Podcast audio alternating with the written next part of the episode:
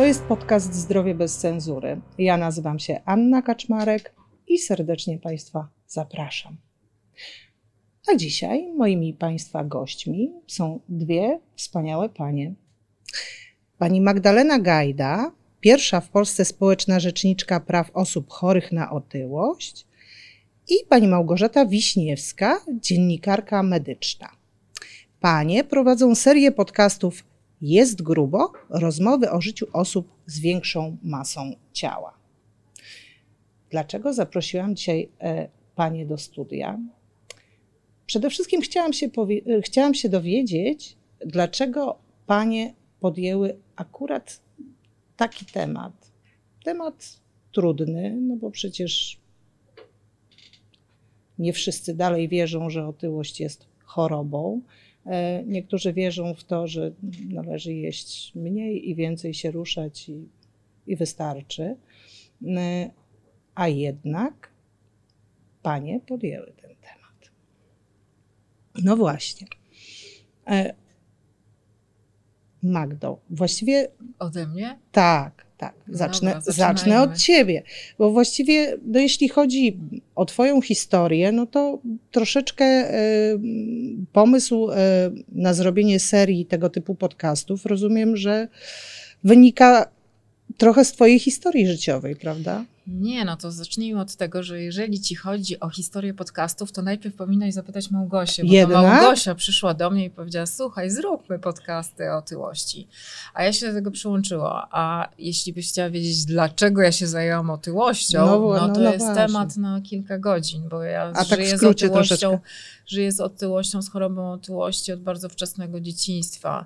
Urodziłam się z obustronnym zwichnięciem stawów biodrowych, byłam przez prawie dwa lata unieruchomiona jako dwu, trzyletnie dziecko na wyciągu ortopedycznym i w momencie, kiedy z niego zeszłam, z moimi stawami było już wszystko w porządku, ale zaczęłam przybierać na wadze i tak sobie przybierałam, przybierałam, przybierałam, aż w końcu, kiedy miałam e, 95 rok, czyli 24 lata, ważyłam już 152 kg i wtedy się poddałam pierwszej operacji bariatrycznej. Byłam 21 pacjentką operowaną w klinice w Zabrzu przez, no niestety już świętej pamięci pana profesora Mariana Pardele, który w latach 90. bardzo rozpropagował operacje bariatryczne w Polsce. Ale przez te um, 24 lata, nie bez mała, 24 lata, oczywiście podejmowałam wszystkie inne próby um, Kiedyś się mówi odchudzania, teraz się mówi leczenia otyłości, bądź też bardziej jeszcze nowocześnie redukcji masy ciała.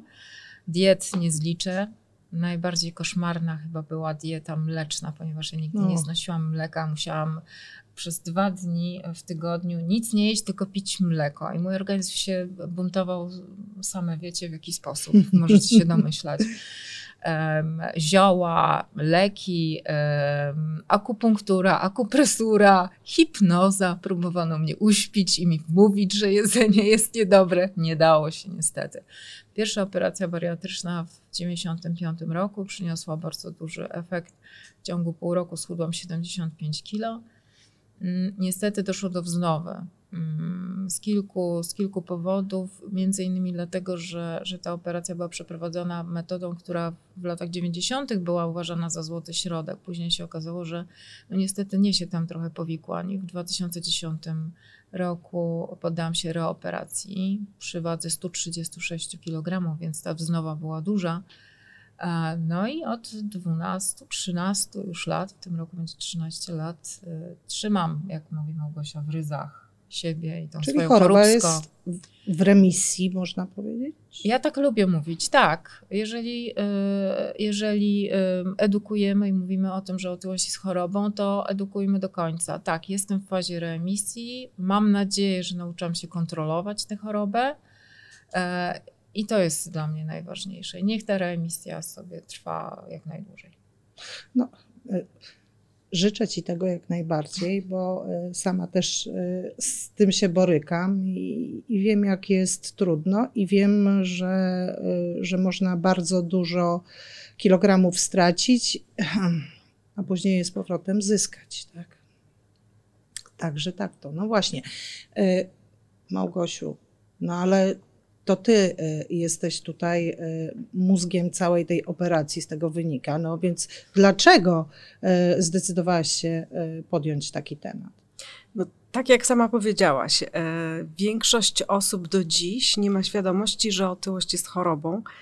Ja biję się w piersi, mając syna z otyłością, od dzieciństwa chorującego na otyłość też nie miałam świadomości, że to choroba. Przez wiele lat, mimo że jestem dziennikarką medyczną i z medycyną na co dzień mam e, sporo do czynienia, to e, okazało się, że tak naprawdę no, ja nie miałam świadomości. Ja miałam wrażenie, że ta otyłość u mojego syna, zresztą u mnie tendencje do otyłości, nad którymi staram się zapanować, to jest kwestia tylko i wyłącznie dobrej woli albo silnej woli mhm. i e, ruchu. No właśnie, to co słyszymy tak na co dzień, mniej nie jeść, więcej się tak. ruszać, to, to tak, wszystko tak. będzie dobrze. Ja myślę, że ja sporo y, przyczyniłam się do bardzo, bardzo dużych kłopotów y, takich psychologicznych mojego syna, ponieważ y, no, ja wiem, że on się bardzo starał i on naprawdę chciał bardzo wiele z siebie dać, żeby nie chorować na tę otyłość, a niestety postępowała choroba z roku na rok.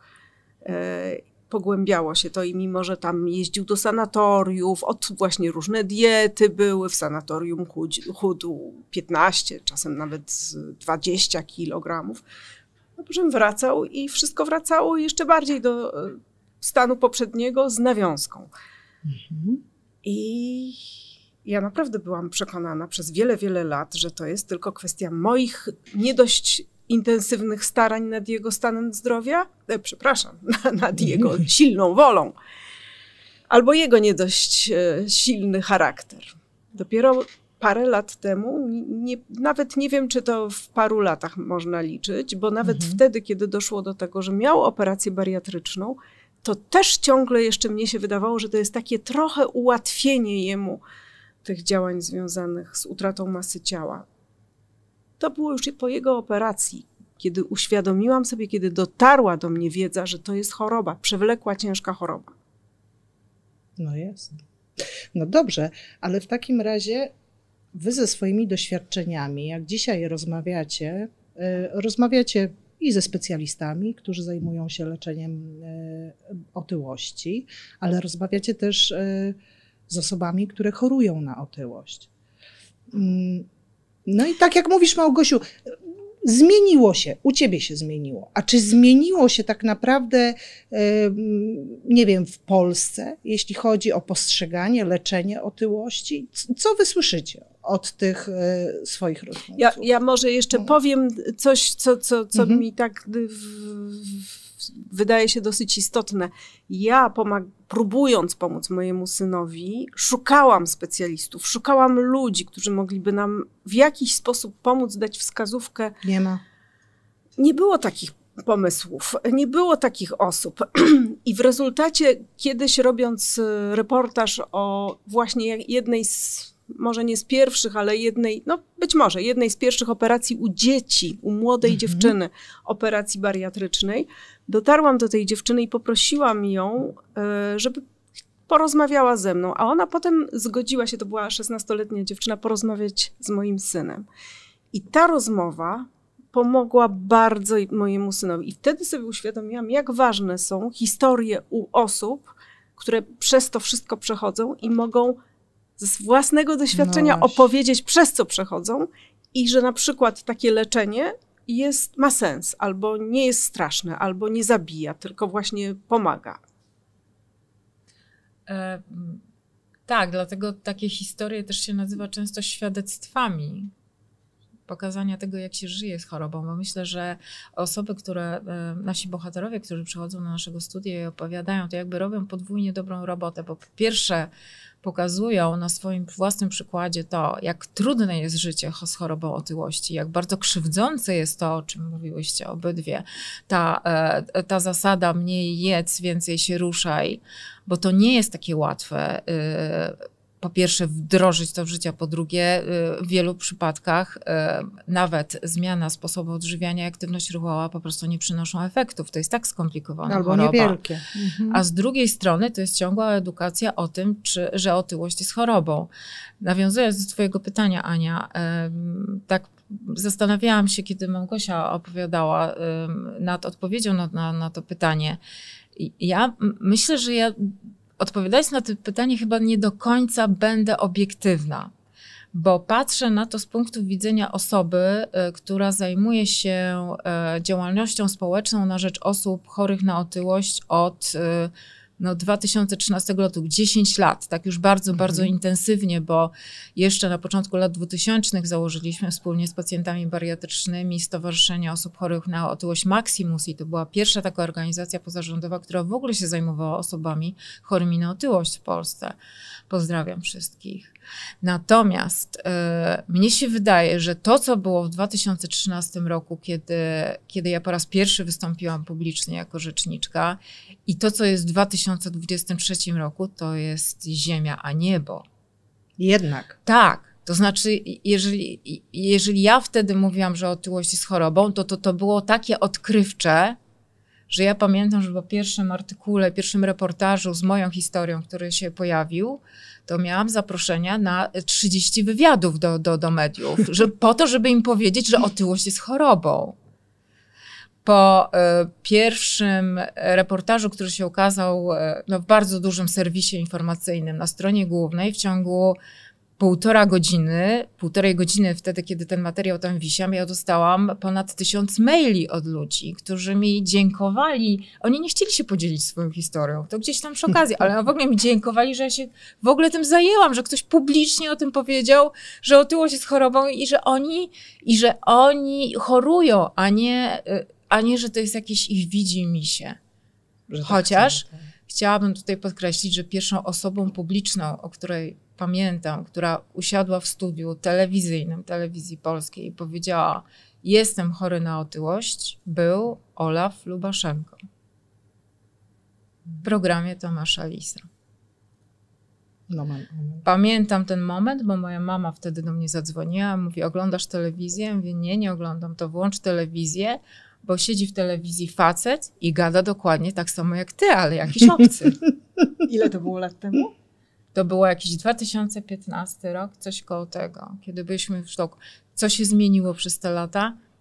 E, Ja twierdzę, że e, świadomość społeczna na temat tego, że otyłość jest chorobą, jest większa. Chociaż mam wrażenie, że bardziej jako społeczeństwo jesteśmy skłonni uważać tą otyłość za chorobę wtedy, kiedy ona już jest w pełnym rozkwicie. Kiedy to jest otyłość trzeciego stopnia, otyłość olbrzymia, otyłość skrajnie olbrzymia. Z tych e, reportaży amerykańskich. e, Tak, takie. tak. I mamy bardzo takie złudne wrażenie. I jakby nie dociera do nas taka informacja jeszcze, że to otyłość to jest, to jest już te parę kilogramów. Ona się tak czai, tak jak stan przedcukrzycowy, słuchajcie, nie? Ona już, ona już się czai. To, to już jest taki sygnał, że coś się złego zadziało w organizmie, trzeba to zacząć leczyć. Mhm. Natomiast to, y, co uważam, że za moje największe osiągnięcie i wszystkich ludzi, którzy działali na rzecz obrony praw osób chorych na otyłość, to to, że my już mamy coraz mniej powodów do interwencji takiej, e, takiej z naszej strony Mhm. ostrej. Znaczy ludzie sami już reagują. Nie, do, e, nie dopuszczają do tego, żeby długo stawały jakieś posty na, na, w mediach społecznościowych, które obrażają osoby z nadwagą i z otyłością. Ja już nie mam takich spraw. Ja już nie interweniuję w takich sprawach. Nawet Czy- reagują, że po, po, jak pogotowie nie chce się zająć osobą z otyłością, to potrafią sami stanąć w swojej obronie. Tak, mieliśmy takiego przykład, bohatera, jeżeli możemy opowiedzieć Tak, o Damianie, oczywiście. którego też serdecznie pozdrawiamy.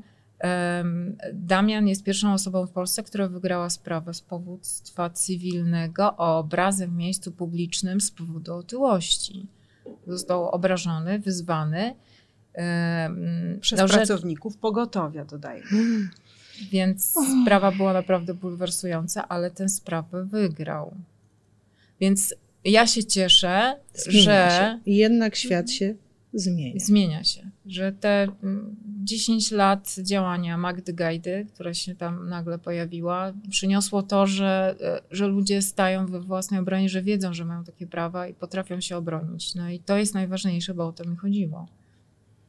To jest, myślę, y, duży Twój y, sukces, bo ja sama wiem, jako dziennikarka medyczna, że nie raz i nie dwa rozmawiałyśmy i zawsze byłaś i dostępna dla mediów, i chętna do, do komentarzy, do wyjaśniania różnych rzeczy. Myślę, że to jest na pewno duża w tym Twoja zasługa tego, co się tutaj u nas w Polsce zmieniło pod tym względem, pod względem postrzegania mm, choroby otyłościowej. Super, pomyślę o emeryturze. Nie, nie, nie, ja protestuję. E, Małgosiu, ile już było odcinków jest grubo? Ile nagrałyście? Niech no, niech no policzę, bo to tak w głowie mi... 18 e, stoi. 18, to Magda jest, jest Magda liczy. Magda, Magda liczy. 18. 18, I, tak który wasz rozmówca zapadł tobie najbardziej w pamięć i dlaczego? Dla mnie chyba takim najbardziej e, wyrazistym rozmówcą, chociaż wszyscy są kapitalni i muszę powiedzieć, wszystkich uwielbiam e, i są mi bardzo bliscy. Natomiast chyba pierwsza rozmowa, którą E, miałyśmy w studio, studiu z Magdą rozmowa z Piotrem, którego po prostu rok wcześniej poznałam, kiedy był tuż przed operacją bariatryczną. Mhm. I pamiętam potężnego mężczyznę, który ważył ponad 200 kg. A potem wiedziałam, że on poddał się tej operacji i poprosiłam go po roku, czy zechciałby opowiedzieć o tym, jak się czuje po tej operacji. I kiedy go zobaczyłam, no to to jest właśnie ten efekt taki wow. Ja nie mogłam po prostu wyjść z podziwu, jak bardzo można się w ciągu roku zmienić. On schudł wtedy około 100 kg, czyli ważył mniej niż 100 e, kg i jeszcze był w procesie chudnięcia, niesłychanie zmotywowany i to był człowiek, który po prostu fruwał tą energią, zarażał, pokaz...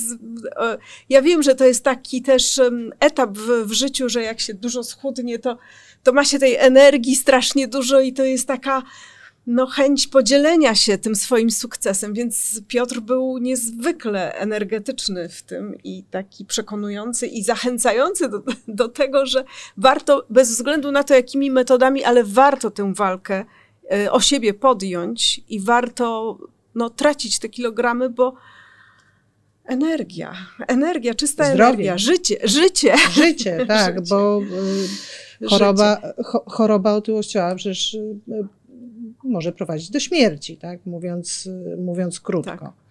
E, do śmierci, przepraszam, do depresji też, też. wcześniej. Koszmarnej depresji, z którą w jakiś sposób też mierzyłam się w przypadku mojego syna, któremu jako dwudziestolatkowi kompletnie nie wiedziałam, jak pomóc, bo, bo on się zamykał w sobie, zamykał się w, w, w tym swoim dużym ciele i, i nie wiedzieliśmy ani on, ani ja, jak znaleźć drogę wyjścia. Właśnie, czy jest grubo, jest podcastem pozytywnym, z takim pozytywnym przesłaniem, czy raczej, mm, czy raczej takim zbiorem e, rozmów o, o trudnościach? Jak wy odbieracie te rozmowy? O trudnościach, na które jest sposób, tak? Na którym można znaleźć. To jest to, czego ja zawsze szukałam w przypadku mojego syna i nie mogłam znaleźć. A tutaj szukamy specjalistów, szukamy bohaterów, szukamy ludzi, którzy mogą wskazać kierunek innym, może zainspirować. Każda historia jest trochę inna, każdy specjalista ma troszkę inny sposób e, patrzenia na, na, na, na leczenie, na, na, na no ale y, nadal specjaliści to są y, tak zwane y, białe kruki medycyny, czy już jest trochę lepiej? E, no to zależy.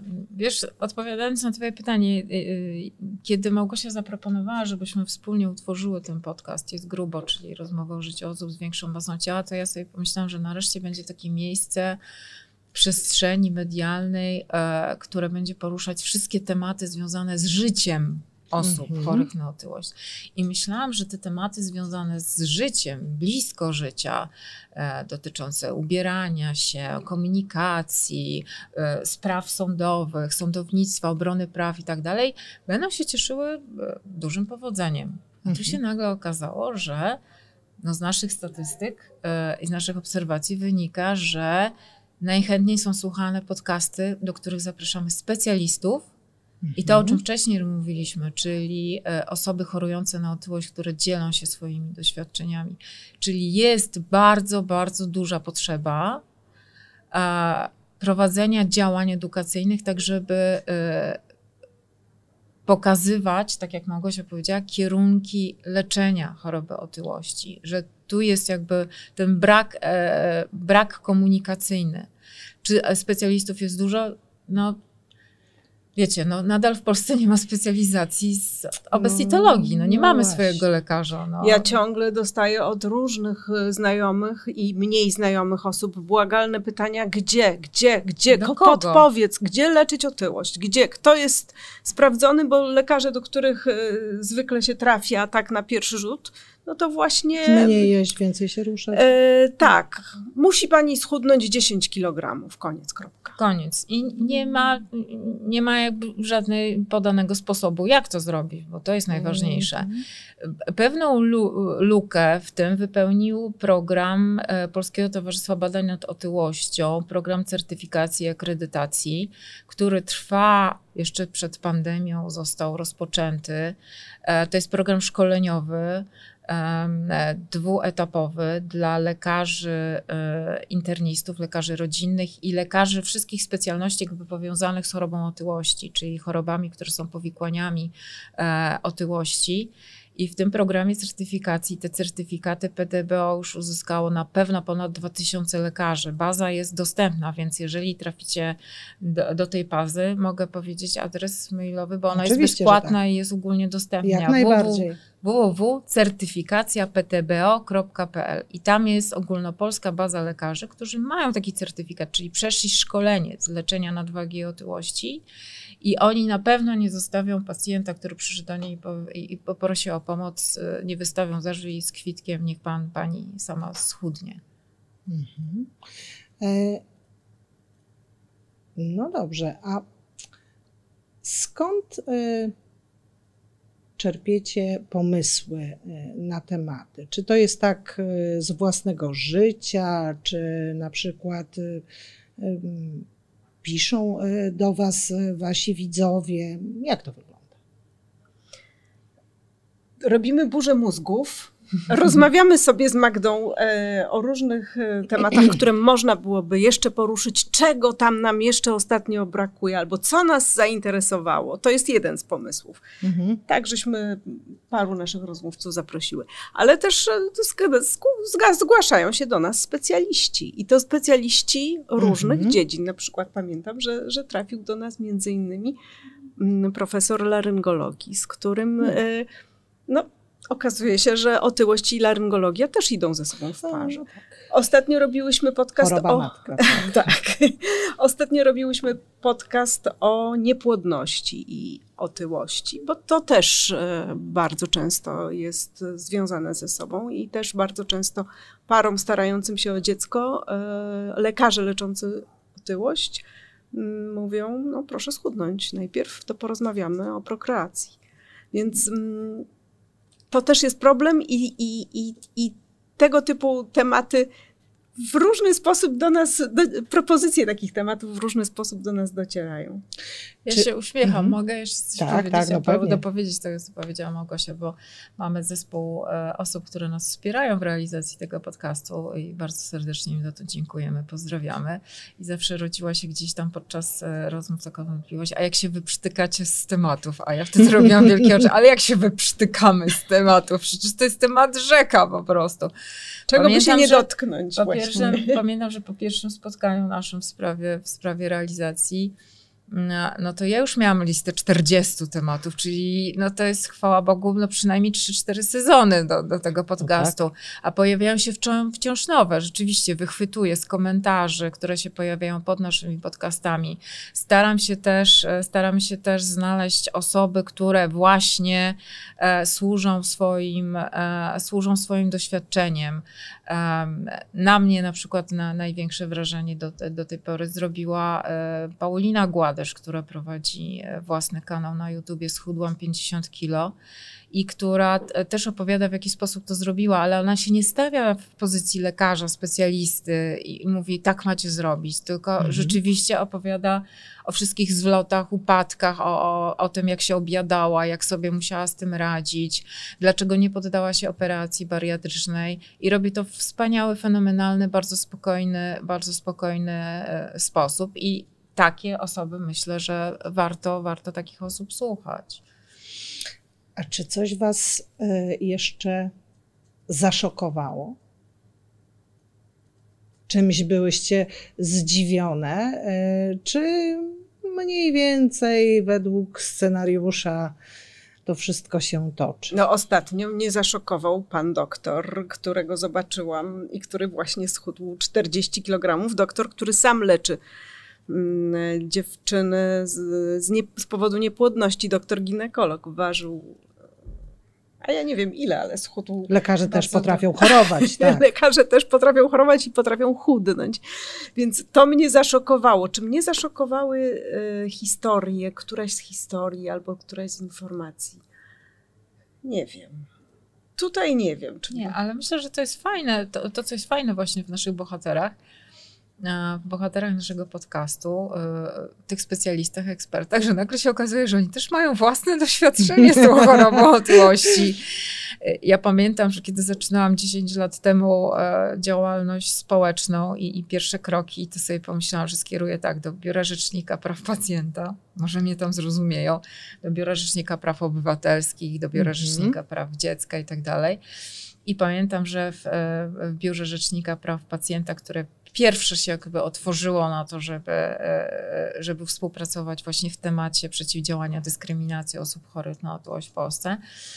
Była tam cudowna osoba jest do tej pory pani Marzanna Binkowska, która powiedziała, będą panią ludzie słuchać. A wie pani dlaczego? On mówi, bo nie ma w Polsce e, osoby, która by nic nie wiedziała o otyłości. Jak nie sama choruje, to na pewno ma kogoś bliskiego w swoim rodzinie. To jest niemożliwe, żeby ona nie, nie wiedziała, o co w tym wszystkim chodzi. Będą panią ludzie słuchać. No właśnie. A jak myślicie? Znajdzie się kiedyś lek na otyłość?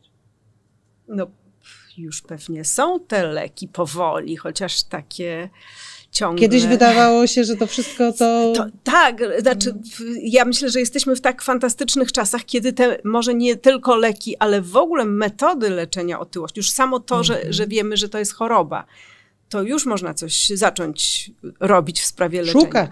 Tak. Szukać, ale, ale uważam, że, że jesteśmy w fajnych czasach, kiedy tych możliwości jest na pewno dużo więcej. A czy te leki będą doskonalsze? No pewnie byłoby świetnie. My to z Magdą żeśmy się śmiały, mhm. że nasze notatki z, pierwszych, z pierwszego naszego podcastu, Magda mówi, schowaj, schowaj, przechowamy do Muzeum e, otyłości. Zobaczysz, że za, za, za paręnaście lat już tej otyłości nie będzie. No to byłoby, żeby już, to byłoby cudowne, gdyby, gdyby pozbyć się, się tego taką problemu. Miesięczną kuracją na przykład. Wiecie, spiskowa teoria dziejów mówi o tym, że ten lek na otyłość taki super skuteczny, to on już dawno istnieje, ale oczywiście nie chcą go ujawnić. Ale pewnie tak. o takich lekach w wielu chorobach się, się I oczywiście mówi, jest, tak. i na raka, i na wiele, wiele innych strasznych chorób. To, co powiedziała Małkosia, rzeczywiście tych metod leczenia dostępnych, coraz bardziej e, dostępnych, coraz bardziej nowoczesnych rzeczywiście jest. Natomiast to, co mnie najbardziej niepokoi w tym wszystkim, że pomimo e, tych wszystkich metod e, i pomimo ich coraz większej dostępności, no niestety wskaźniki zachorowalności e, i rozwoju choroby otyłości na, na całym świecie po prostu rosną. No nie chciałabym być złym prorokiem. Kiedyś się tylko pokusiłam na, o, o taki wniosek, że no bardzo możliwe, że to jest tak, że po prostu my wymrzemy na otyłość. No, jesteśmy ofiarami rozwoju cywilizacyjnego, którego się po prostu już nie da cofnąć. To jest utopia, żebyśmy, Nie, żebyśmy no, się cofnęli w pewnych, w pewnych z- obszarach. Z drugiej strony ludzie świadomość, zaczynają. edukacja. Tak. świadomość, edukacja. co z Świadomość ro- można zrobić, jak temu można e, przeciwdziałać. Z drugiej strony, zauważcie sami, jest wiele osób, które od wielu, wielu lat się leczą na otyłość, e, podejmują wiele prób, wiele metod e, i one nie przynoszą rezultatu albo jeszcze tą chorobę pogłębiają. Czyli to znaczy, że sama choroba ewaluuje, ale w bardzo złym kierunku. No właśnie. Trochę jak z mutacją wirusa, którego właśnie. mieliśmy ostatnio, no prawda? właśnie, to nie jest To myślę, że tego się- dziś, tak, Tego się jest, trzeba bać. Nie jest tą otyłością, co była, nie wiem, w latach 60. czy 70. ubiegłego wieku, prawda? Przynajmniej tak. e, Prosta otyłość kiedyś, prawda?